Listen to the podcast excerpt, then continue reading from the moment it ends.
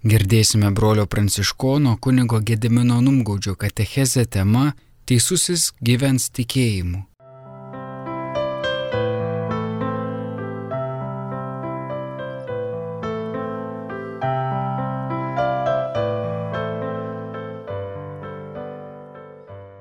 Tai buvo duota Izraeliui toks įsakymas Mozės autoritetu, Dievo autoritetu, tam, kad išsaugoti žydų tautą, žydų tautos religinį ir tautinį vientisumą.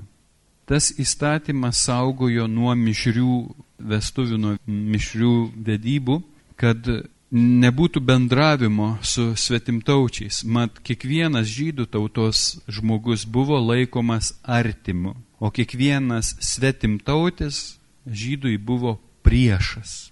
Ir jis turėjo kiekvieno svetimtaučio kaip priešo nekesti, nes maža tautelė gyveno tarp kaimynų, kurie buvo galingi įvairiomis kultūromis, didelės tautos, kurios darė žydams įtaką, pagonišką įtaką. Žydai turėjo apreiškimą ir tikėjo vienu dievu, o aplinkui tautos garbino stabus įvairius dievus. Ir kad nebendrautų, kad neužsikrėstų tomis tabmeldiškomis pagoniškomis idėjomis, žydai buvo apsidraudę dievų vardu tokiu įstatymu, nekesk priešo, nekesk kiekvieno svetimtaučio ir nedraugauk su jais. Jeigu per vedybas susimaišo šeimos, tai per šeimas vis tiek ateina blogi papročiai per mišres šeimas. Todėl va toks buvo įstatymas. O Jėzus ateina kaip turintis galę duoti naujus įstatymus, keisti įstatymus Dievo vardu ir su Dievo jėga. Jis sako, o aš jums sakau, mylėkite savo priešus ir melskitės už savo persekiotojus. Ir Jėzus jau iš esmės keičia netgi ir priešo savoką. Pirmiausia, pabandykime mes susivokti savo gyvenime, ką reiškia mums priešas. Ką reiškia žydams, aišku, bet ką mums reiškia prieš. Kaip jūs įvardyjate priešą? Su kuo jis asocijuojasi jums? Priešas yra tas, kuris manęs nekenčia kuris nori mano mirties, nori mane sunaikinti, nori mane pavergti, nori mane kankinti, išnaudoti. Visi, kurie greuna mano gyvenimą, yra mano priešai. Tai ką aš turiu daryti su tokiu žmogum, kuris manęs nekenčia, kuris nori mane nužudyti? Aš pirmas turiu jį sunaikinti. Buvo tokie rusai, nesmaugimus ir mūsų vyrai ėjo į miškus, kad kovoti su ginklu prieš juos gynėsi, bet nelygios jėgos ir mūsų tauta pralaimėjo ir jie buvo amžini mūsų priešai. O Jėzus ateina ir naikina tą priešo savoką. Jis sako, mylėkite savo priešus. Taigi mylėkite dabar rusus, kurie jūsų tėvus trėmė į Sibirą, žudė, kankino. Jėzus sako, mylėkite juos. Tai mano įsakymas ne bet koks nepageidavimas, bet įsakymas ir su sąlyga, kad būtumėte savo dangiškojo tėvo vaikais. O jaučiat, su kuo mes čia susidursim? Kaip jūs galite mylėti savo priešus? Ko gero, Jėzus čia jau perlenkia, ryškiai perlenkia, jau reikalauja neįmanomo dalyko. Nu, ar mes galime mylėti tuos, kurie mūsų nekenčia? Ir žiūrėkit, kaip mes sakom, kai supykstam vieni ant kitų mes sakom, dink iš čia, kentėti negaliu. Kai mes pykstam ant kito, mes esam žmogžudžiai. Jėzus sako, tas, kuris neapkenčia savo brolio, yra žmogžudys. Nes neapkesdami mes nužudome jį savo širdį. Mes nepaliekam jam vietos savo širdį. Mes esam žmogžudžiai. Žudom savo brolių savo širdise. Kai šeima nepaėgi mylėti, aukotis iš meilės, ji nepalieka vietos ir naujam žmogui, žudo dar negimusi savo vaiką, daro abortą, ne? Ojojoj. Bet ar Jėzus gali mums duoti absurdiškus įstatymus, kurių mes negalėtume išpildyti? Juk jis išmintingas, jis Dievas, jis žino, ką sako. Gal mums vis tik reikia kažką čia kitaip į viską žiūrėti, kad mes tą įstatymą galėtume išpildyti dar kartą panagrinėkim tuos mūsų priešus. Iš tikrųjų, kad šitą įstatymą išpildyti, mums reikia peržengti žmogų ir šalia žmogaus atpažinti blogio šaltinį. Be prieiškimo mums tai labai sunku būtų padaryti, bet mes turime šventą raštą, kuris mums nurodo į tuos šaltinius, iš kur pareina blogis. Kad mes galėtume žmogų atskirti nuo to jo daromo blogio, nuo tos klaidos, kurią jis daro mūsų atžvilgiu.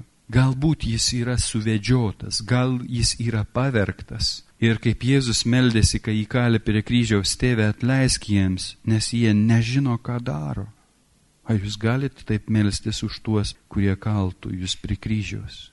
Jėzus Jono Evangelijoje 8 skyriui 44 eilutė sako, Jūsų tėvas velnes ir jūs pasišovė tenkinti jo užgaidas. Jis nuo pat pradžios buvo galvažudys ir niekuomet nesilaikė tiesos. Jame ir nėra buvę tiesos skleisdamas melą jis kalba, kas jam sava, nes jis melagis ir melo tėvas. Ir kai mes klausome jo, mes irgi meluojame ir darome jo darbus.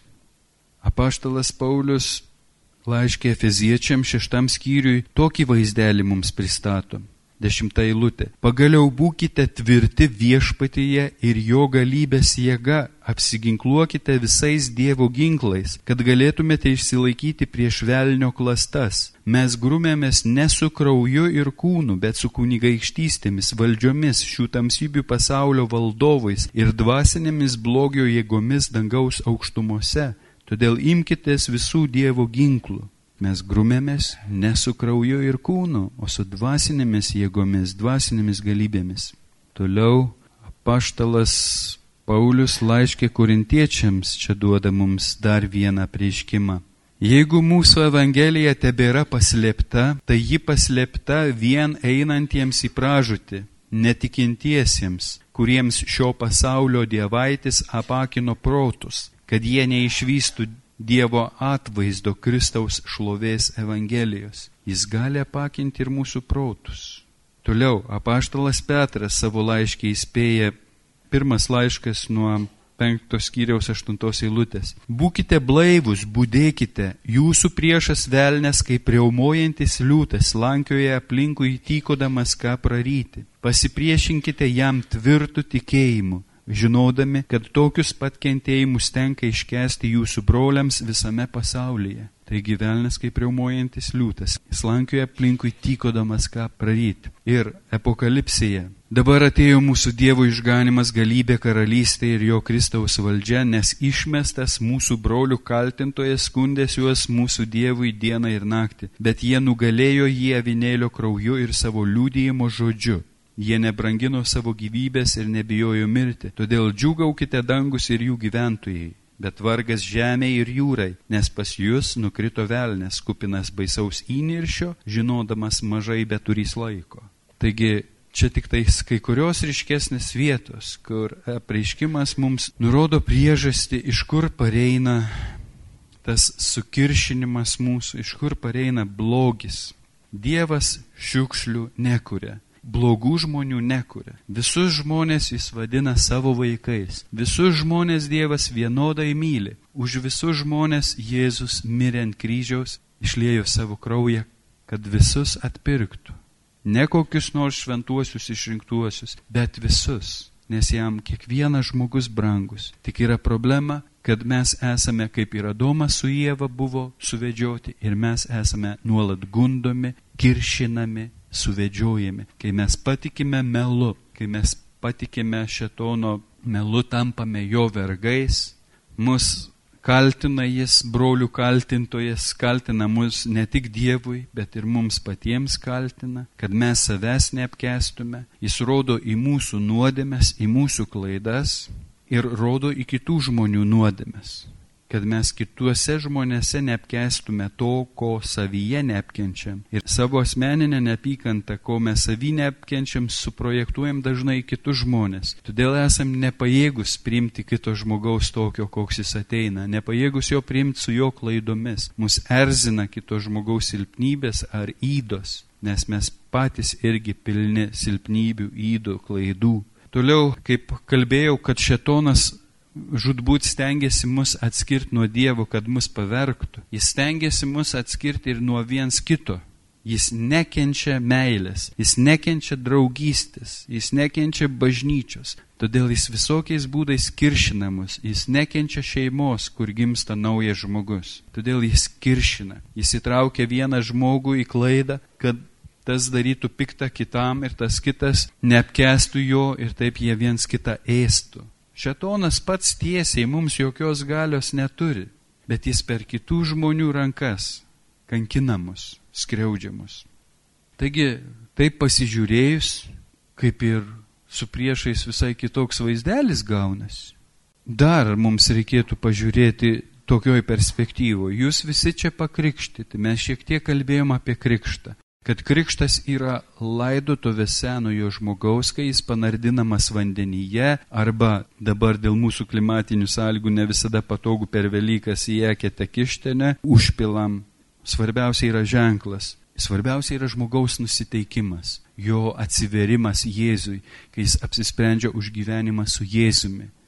Jis atsižada nuodėmės ir išpažįsta Jėzų savo viešpačiu. Tai, bet prisimenant tuos ryškius ženklus, tuos simbolius, kaip aš jums aiškinau, nuo ko viskas prasidėjo, nuo panardinimo, kai žmogus būdavo panardinamas tarsi palaidojamas ir jis iškyla kaip naujas kūrinys. Ir apaštalas Paulis taip giliai visą tą suprasdamas rašė savo laiškuose, nebe aš gyvenu, bet manyje gyvena Kristus. Juk aš esu miręs per krikštą.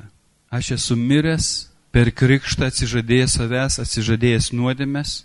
Ir per krikštą Dievas išlėjęs į mano širdį savo dvasę, jau manyje gyvena per šventąją dvasę pats Kristus. Nes šventoji dvasia, kuri ateina iš tėvo ir sunaus atstovauja mūsų širdise ir tėvą ir sūnų.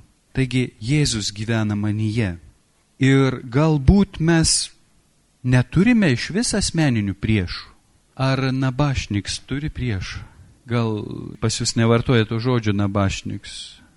Žemaitijoje toks populiarus sak, ai, tas jau nap, napšnek, napšnek, nabašniks, napšnek, nebesišnek, neapgird, nebesišnek, neapjud. Tai nabašniks. Ar jeigu mes esam nabašnikai, kam mes įdomus, kam mes rūpim? Nabašnikai kaip ir nebeturi priešų, jie nebereaguoja, ne? Ir jeigu mes esame mirę per krikštą, o mumise jau gyvena Kristus, tai gal mes turime reikalų su Kristaus priešu su Kristaus priešais, su tais, kurie mūsų nekenčia. Ir vis tiek jie yra šetono įtakoje ir iš esmės Galime sakyti taip, kad mes turime reikalų su Kristaus priešu šetonu, kuris veikia per mūsų brolius ir seseris. Jėzus ateidamas mums apreiškia, kad mes nesam priešai viens kitam. Ne pagal tautiškumą, artimas, kaip žydai, kad buvo nusistatę, tik žydas mano artimas, o visi kiti priešai. Jėzus naikina tautų ribas, religijų ribas. Jis apreiškia mums, kad kiekvienas žmogus pasaulyje yra mano brolis sesuo, nes už kiekvieną Jėzus numirė ant kryžiaus ir pats įsikūnydamas, primdamas žmogaus prigimti, apreikšdamas mums dangiškai į tėvą, apreiškia mums, kad mes esam amžinybės broliai ir seserys, pašaukti į amžiną gyvenimą, meilėje. Ir tą gyvenimą pradedame dabar. Dabar mes atgimę iš dvasios pradedame gyventi amžiną gyvenimą. Mums mirties nebėra. Kūno mirtis, mums ne mirtis, tai tik virsmas. Kaip tas Elgeta, kuris dainavo miške, kunigaikštis medžiojo ir išgirdo nuostabę dainą. Taip, linksmai žmogus dainuoja, taip gražiai ir skaidriai. Tam kilo baisi pagundas susipažinti su tuo žmogum, pamatyti, kas čia gėda. Jis brovėsi per visokius šabakštynus į miško gelmę ir prie kažkokios sulūžusios trobos, prie tvoros rado raupsuotai. Ką dainuoja žmogus? Nosis nukritusi, ausis nukritusios, visas nupuvęs, žaizdotas, A ką dainuoja, a ką gėda laimingas, tas apakė stovi ir sako, žmogau, kaip tu gali tokioj būsenoj taip dainuot linksmai. Haha, sako, aš džiaugiuosi matydamas, kaip griuva tos sienos, kurios mane skiria nuo to, kurį myliu. Mes galim tai pasakyti. Jėzus išvadavo mus iš mirties baimės, savo prisikėlimo apreiškia mums amžiną gyvenimą suteikdamas mums savo dvasę. Jis garantuoja mums amžiną gyvenimą, mes esame amžiniečiai. mums mirties nebėra. Kūno mirtis tai tik virsmas. Išleistuvės mes išleidžiam namo. Atliko čia darbą, atliko kelionę ir keliaujam. Apaštalas Paulius sako, mirtis man tik laimėjimas, nes aš trokštų kuo greičiau pamatyti Jėzų. Bet yra ir mūsų tarpe tokių žmonių. Prisimenu, vieną kartą mes evangelizavom su jaunimu šilutėj žmonės gatvėj sudalyvavom tokiam jaunimo forume, ten mus primokė, kaip apaštalauti gatvėje. Ir mes su tokiu Petriuku dviese iškeliavom į gatvę. Su brošiūromis, bukletais, ten apie išganimą, apie išgelbėjimą, pradėjom kabinėtis prie žmonių, žmonės bėgti nuo mūsų. Sektantai kažkokie čia neduot gyventi. Nu ir mes pradėjom melstis, kas čia ir viešpatė, kas čia netaip ir, kodėl tie žmonės mūsų bijo, kodėl jie nuo mūsų bėga. Meldžiamės, užėjom dar į bažnytėlę, pasimeldėm viešpatė Jėzau, duok mums tą nusiteikimą, su kuriuo tu mirėjai ant kryžiaus už mus, duok mums tos meilės tiems žmonėms, kurie vaikšto gatvėje, kad mes su tavo meilė galėtume prieiti prie jų. Nu ir dalykai pasikeitė, dalykai pasikeitė, prasidėjo nuotikiai, nuo mūsų nustojo bėgti, mes kažkaip kitaip pradėjom prieiti. Pirmas toks buvo iš bažnyčios susitikimas su Stauru ponu kuris išvažiavo iš vieno ten penkiaukščio namo kiemo su dviračiu tokiu kryvų kryvų. Mes prišokom. Atsiprašom, ponė, gal galėtumėm vieno dalyko paklausti. Aš buvau stabdžiu, nu, klauskit. Pone, ar nežinot, kur čia gyvena Jėzus? Tas pasižiūrėjo tą namą, iš kurio išvažiavo.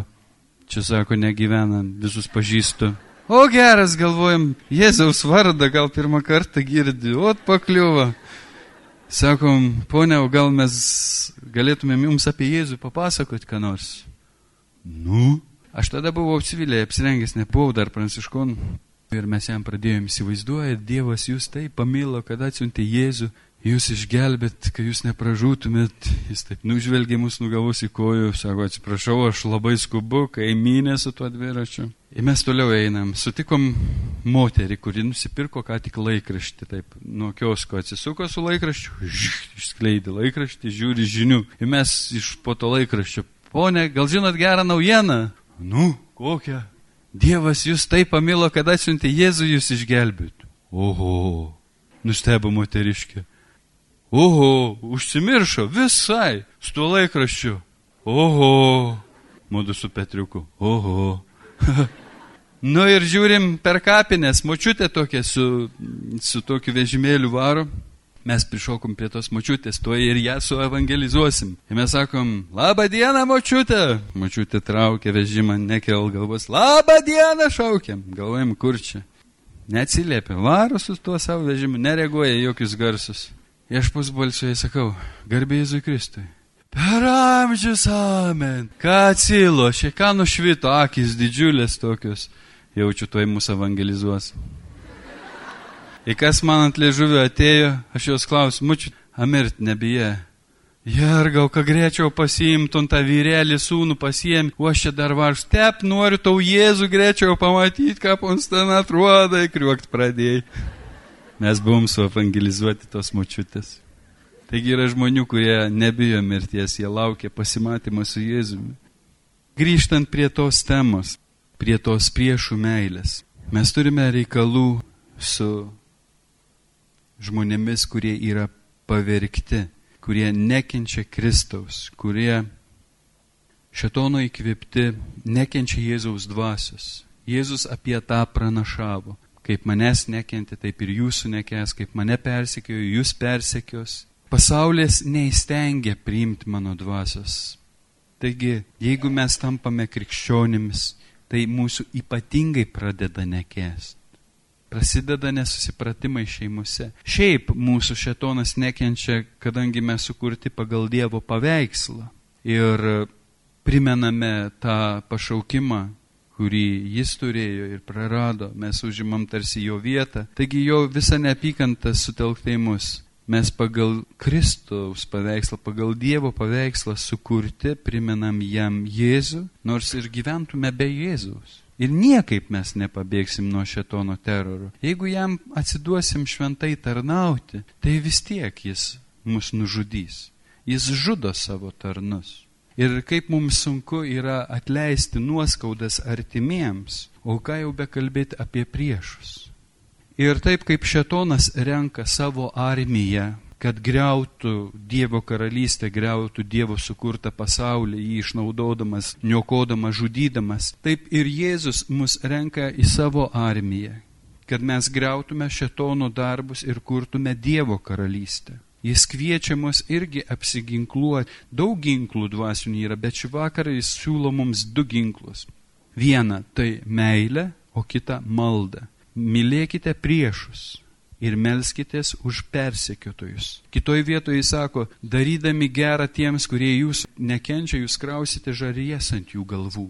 Savo meilę mes esame pašaukti sušildyti žmogų, kuris yra nepatyręs meilės, kuris netiki meilę. Mes galime jį sušildyti, darydami jam gerą, ištardami gerą žodį, su kantrybe, ilgai būdami ištikimi jam, mes po truputį sušildom, sušildom ir kai žmogus patiki meilę, jis atsiveria tai meiliai. Tada jis patiki ir Dievo meilę ir atsiveria Dievui. Atsiveria Dievo meilė ir pradeda gyventi meilę. Kaip aš asmeniškai įsivaizduoju mūsų pašaukimą, Kam mes čia gyvename žemėje? Mes čia žemėje toj kelionėje vargstame tam, kad pažintume Dievą kaip meilę, kad atsivertume tai meiliai ir pratis atgimę iš meilės pradėtume gyventi meilę. Ir meilė duoda mums amžiną gyvenimą, meilė nenugalima, nes pats Jėzus yra meilė. Tai va ir mūsų tikslas yra paliūdyti meilę viens kitam, ne žodžiais, bet darbais, Kai tu myli, tu trokšti kitam žmogui laimės, tu stengiasi padaryti jį laimingą. Mes kartais maišome meilę su egoizmu, ypač šeimose. Tėvai neva myli, bet iš tikrųjų tėvų meilė iškrypsta ir pasidaro vaikams kaip dvasinis surišimas, uzurpacija, kai tėvai savinasi.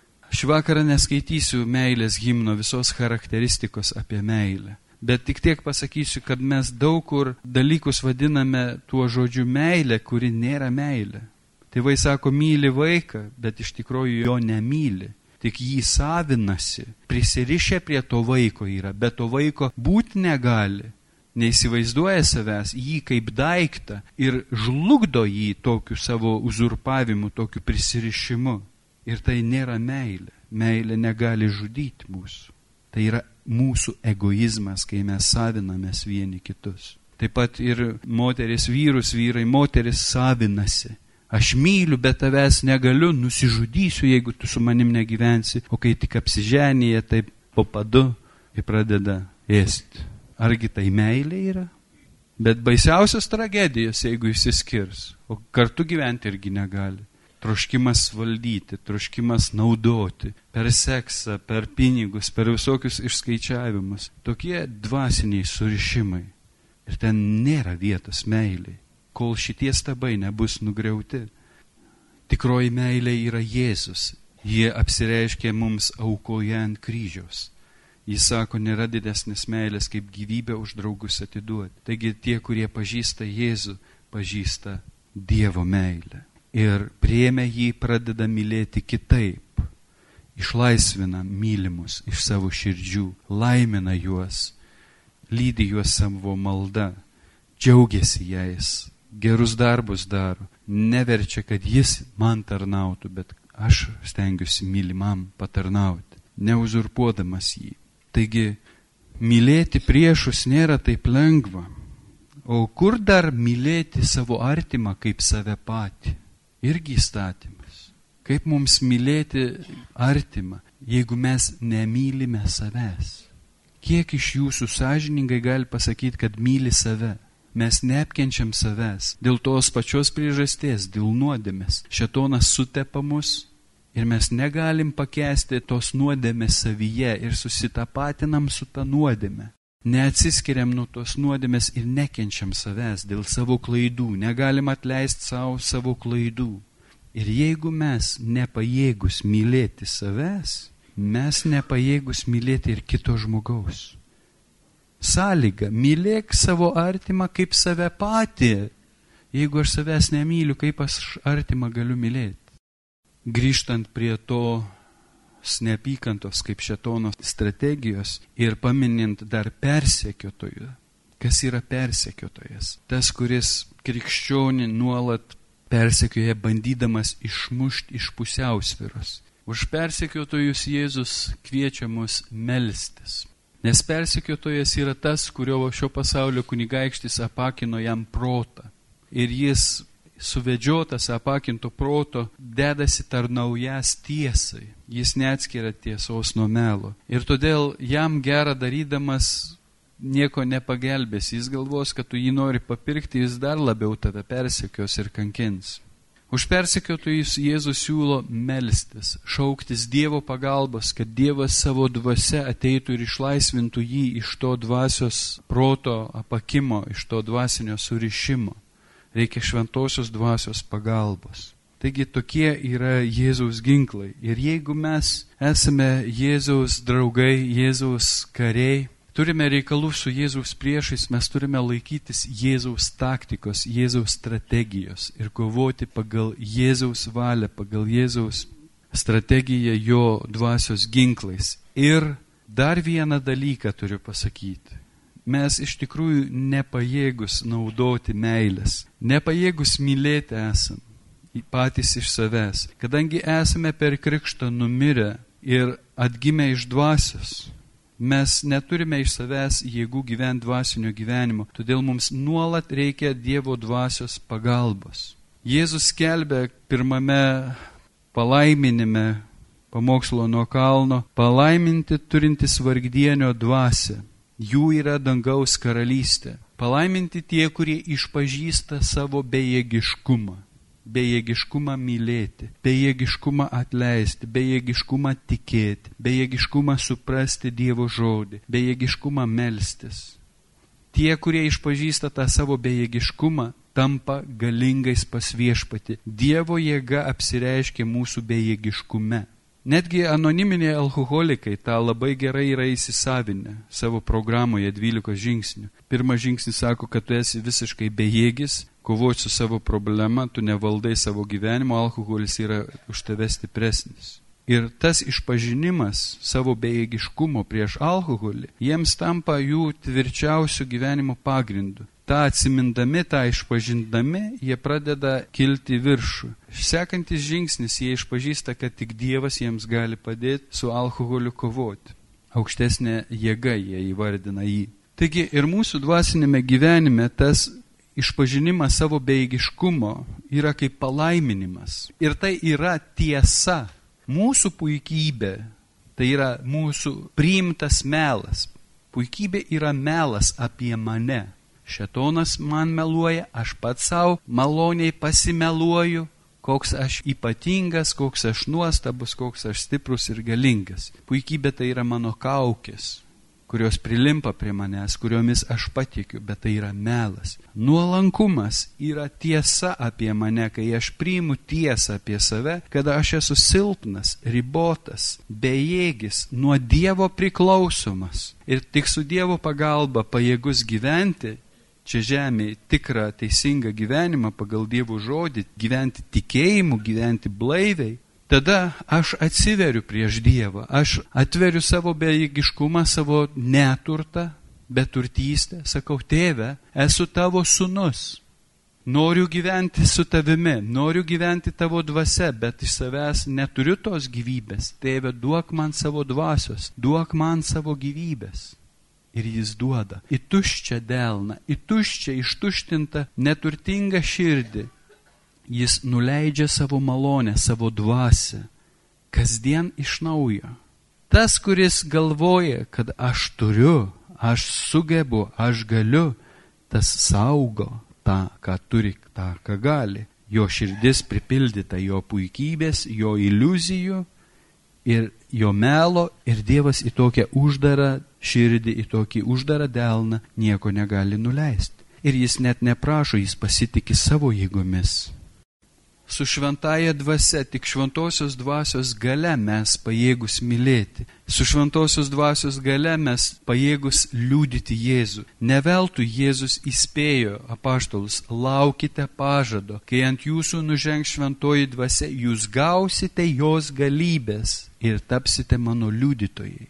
Jėzui labai buvo svarbu, kad mes priimtume šventąją dvasę kaip galę iš Dievo ir su ta gale gyventume, su ta gale tarnautume, su ta gale kovotume. Ir tą dvasinę kovą tik su Dievo jėga mes galime laimėti, su Dievo pagalba. Kaip Jėzus moko melstis mus kasdienės duonos duok mums šiandien. Šiandien, tėve, duok man savo šventosios dvasios. Prisimename Jėzaus palyginimus. Jeigu kurio iš jūsų vaikas prašytų duok žuvies, koks tėvas duos gyvatę, jeigu prašytų duonos ar duos akmenį, jeigu prašytų kiaušinio ar duos skorpioną, nu kažkas tokio, prisimenama, aš nebeieškosiu. Ir jis sako, jeigu jūs būdami nelabi sugebate savo vaikams duoti gerų dalykų, tai nepalyginamai labiau jūsų dangiškasis tėvas duos šventąją dvasę tiems, kurie jos prašo. Mums reikia kasdien išpažįstant savo neturtą atsiverti šventai dvasiai, kad Dievas galėtų mus pagirdyti, kad galėtų mus pripildyti. Per tikėjimą, per maldą, per tiesos išpažinimą mes atsiveriam ir Dievas mus pripildo ir suteikia mums jėgų. Kitoje vietoje prisimename Senajam testamente maną iš dangaus. Tik vienai dienai, kitai dienai negalėjai išsaugoti, turėjai vėl iš ryto rinkti maną. Taip ir mus Jėzus mokina kasdien iš ryto prisirinkit manos, prisirinkit šventosios dvasios, kad šią dieną turėtumėt jėgų gyventi šventosios dvasios jėga. Motinos Teresės seserys prašė Teresę, kad prailgintų jų adoraciją iš ryto. Jos adoruodavo po 20 minučių ir prašė, leisk mums valandą adoruoti prie švenčiausio sakramento, kur mes pasisėmė jėgų mylėti iš Jėzaus širdies. Teresė sakė, nu ką čia dabar tiek laiko skirsim, kiek gerų darbų galėtumėm nuveikti bet jos neištemdavo iki vakaro. Jos vakare murmėdavo, būdavo piktos, nelaimingos, pervargusios. Ir kai Teresė leido joms valandą duruoti, jos iki vakaro galėdavo su džiaugsmu ir meilė tarnauti vargšams. Taip reikalinga mums kasdieninė malda, ypač iš ryto, kad atvertume savo širdis, kad prisipildytume Dievo jėgą ir kaip Dievo vaikai gyventume Dievo jėgą visą dieną. Toliau einant, noriu dar atkreipdėmėsi į tas sąlygas, kur Jėzus sako, kad būtumėte dangiškojo tėvo vaikai. Jis juk leidžia savo saulėje tekėti blogiesiems ir geriesiems, siunčia lietų ant teisiųjų ir neteisiųjų. Jei mylite tik tuos, kurie jūs myli, tai kokį atlygį gausite, argi taip nesielgia ir muitininkai. Ir jeigu sveikinate tik tai savo brolius, tai kuogi viršijate kitus, argi to nedaro ir pagonis. Taigi būkite tokie tobuli, kaip jūsų dangiškasis tėvas yra tobulas. O jūs vaikai taip darykit, kaip tėvelis daro, ane? Turim tokį žaidimą. Labai jis čia toj vietoj tinka. Jeigu mes esam Dievo vaikai, gyvenam Dievo prigimtimi, matome Dievo akimis, jaučiame, kaip tėvas jaučia, jeigu turime ryšį su juo, jeigu esame atgimę iš jo, ane, Ir mes turime daryti taip, kaip tėvas daro. O jis siunčia saulę tiek blogiesiems, tiek geriesiems, siunčia lietų ant teisiųjų ir neteisiųjų. Pležia palangoj ir šventieji deginasi ir nusidėlėje, ne? Visiems saulės tėtis negailė. Ir lietų gyvybę iš dangaus, kad auktų pomidorai, agurkai, salotos, kad mes turėtumėm ko valgyti, ko gerti, ne? Visiems jis parūpina. Bet ta saulė, tas lietus turi dar ir dvasinę prasme. Ta saulė tai teisumo saulė, kaip mes gėdam per Velykas. Kristus mums šviečia kaip teisumo saulė. Ikonose bizantinėme mene Jėzus vaizduojamas su auksinė aureolė, kuri visada išlenda už remelio Jeigu nueisit į cerkvę, ten tose ikonose jūs pamatysit, kaip senoviai bažnyčia vaizdavo Kristų. Jeigu norit pamatyti, kokia katalikų bažnyčia buvo devintame amžiuje, prieš suskylant, nueikite pas ortodoksus. Jie kaip atsiskyrė nuo katalikų bažnyčios, taip ir užsikonservavo ir nelabai gali keistis iki šiandien. Ačiū Dievui, mes galim susipažinti, kokie buvo mūsų protėviai, kaip jie garbino Dievą, o ten yra fantastiškų dalykų. Mūsų broliai Pranciškonai vadu tapo ikonas ir Klaipidoje yra padarę vieną bažnyčią ikonų bizantinio meno stiliuje. Taigi visada ikonoje Kristaus aureolė išeina už remelio ikonos. Ir tai yra simbolis. Jėzus kaip tekanti saulė apšviečia, ateina į mūsų pasaulį, kad apšviestų mūsų gyvenimus. Velykinė žvakė, kuri per Velykas šventinama, irgi simbolizuoja šviesą, saulę. Taigi Jėzus yra saulė ir tėvas siunčia tą saulę ir geriesiems ir blogiesiems. Siunčia visiems, jis atiduoda Kristų visiems. Vieni jį priima su meile, kiti jį nukryžiuoja, ne? Bet jis siunčia visiems. Ir jeigu mes esame jo vaikai, turime dalintis Kristumi viens su kitu, duoti Kristų viens kitam. Kaip? Mylėdami viens kitus, guosdami viens kitus, paliesdami viens kitą, darydami gerą, ištiesdami pagalbos ranką. Per mūsų gerus darbus apsireiškia Dievo meilė tų žmonių gyvenime. Kristus apsireiškia per mus tiems žmonėms. Per krikštą mums įteikiama krikšto žvakė, kuri uždegama nuo Velykinės žvakės. Įteikiant tą žvakę sako, šviesk gerais darbais, šviesk žmonėms, kad ir jie garbintų Dievą esantį danguje. Taigi žmonės garbins Dievą, matydami mūsų gerus darbus, patirdami mūsų gerus darbus. Mes, kaip ta žvakutė nuo Velykinės žvakės, paliesti, uždegti Jėzaus dvasia, Jėzaus meilės ugnimi, kaip ta žvakutė turim sudegti, sutirpti, išspinduliuoti šilumą ir šviesą, apšviesti pasaulį Jėzaus šviesa savo gyvenimu, savo darbais. Ar mes tą darome? Ar mes tuo rūpinamės? Ar mes išpildome tą krikšto pašaukimą, tą pranašystę? Ir lietus, lietus iš dangaus, tai šventosios dvasios simbolis, ji teikia gyvybę, ji suteikia gyvybę Dievo žodžiui mūsų širdise, kaip Dievo žodis iš Arhangelo Gabrieliaus lūpų buvo ištartas ir Marija tą žodį kaip sėklą priėmė į savo širdį. Ta žodis nusileido į Marijos iščias, per jos tikėjimą. Ir šventai dvasiai veikiant, ta žodis jos iščiose tapo kūnu ir jį pagimdė Kristų pasauliui. Ta šventoji dvasia kaip lietus, dvasinis lietus gaivina mus, mūsų širdis, kai jos išdžiūvusios, kaip dikuma, ji paverčia dykumą žaliuojančių sodų mūsų širdise. Ji apreiškia mums Dievo meilę. Ji ateina su dovanomis. Viskas klesti, kur šventoji dvasia kaip upė ateina. Tieskime šventai dvasiai kelius. Kaskime griovius tarp širdžių, kad tekėtų šventoji dvasia. Melskime vieni už kitus, dėdami rankas vieni ant kitų, kad šventoji dvasia nužengtų ant mūsų. Mes galime iššaukti savo maldą prašydami dėl savo draugų. Tėve, atsiųsk šventąją dvasę, lyg ant jų.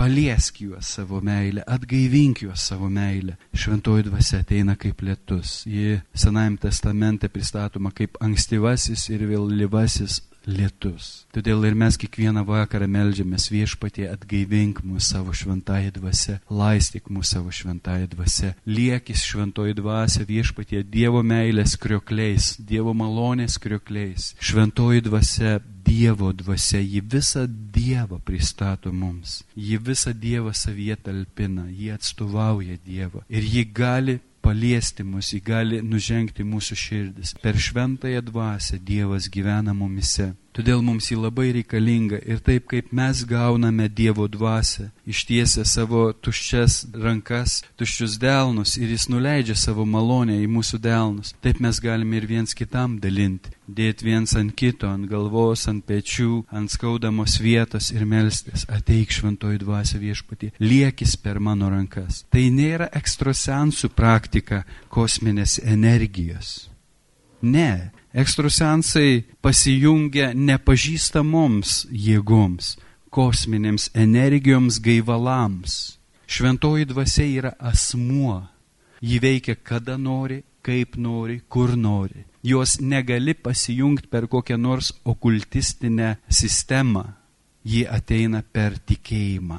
Tik per tikėjimą, per maldą kai žmogus šaukėsi Jėzaus vardą. Todėl mes melzdamiesi vieni už kitus iššaukiam Dievo meilės lietų, kuris ateina ir atgaivina mus. Ir tą mes turime daryti, kad būtume savo dangiškojo tėvo vaikais, kad taptume tokie tobuli, kaip mūsų dangiškasis tėvas yra tobulas. Dievo meilė yra jo tobulumas, meilėje Dievas tobulas. Ir mes, kai gyvename meilę, kiek mes gyvename meilę, tiek mes tampame tobuli ir panašus į jį iš to jis mus ir atpažins amžinybei. Tas ir bus mūsų amžino gyvenimo laimėjimas, džiaugsmas, laimė. Ačiū tau viešpatie.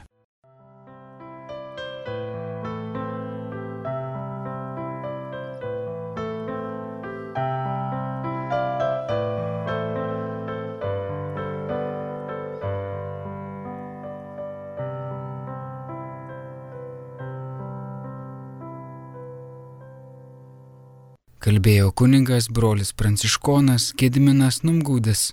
Tema Teisusis gyvens tikėjimu.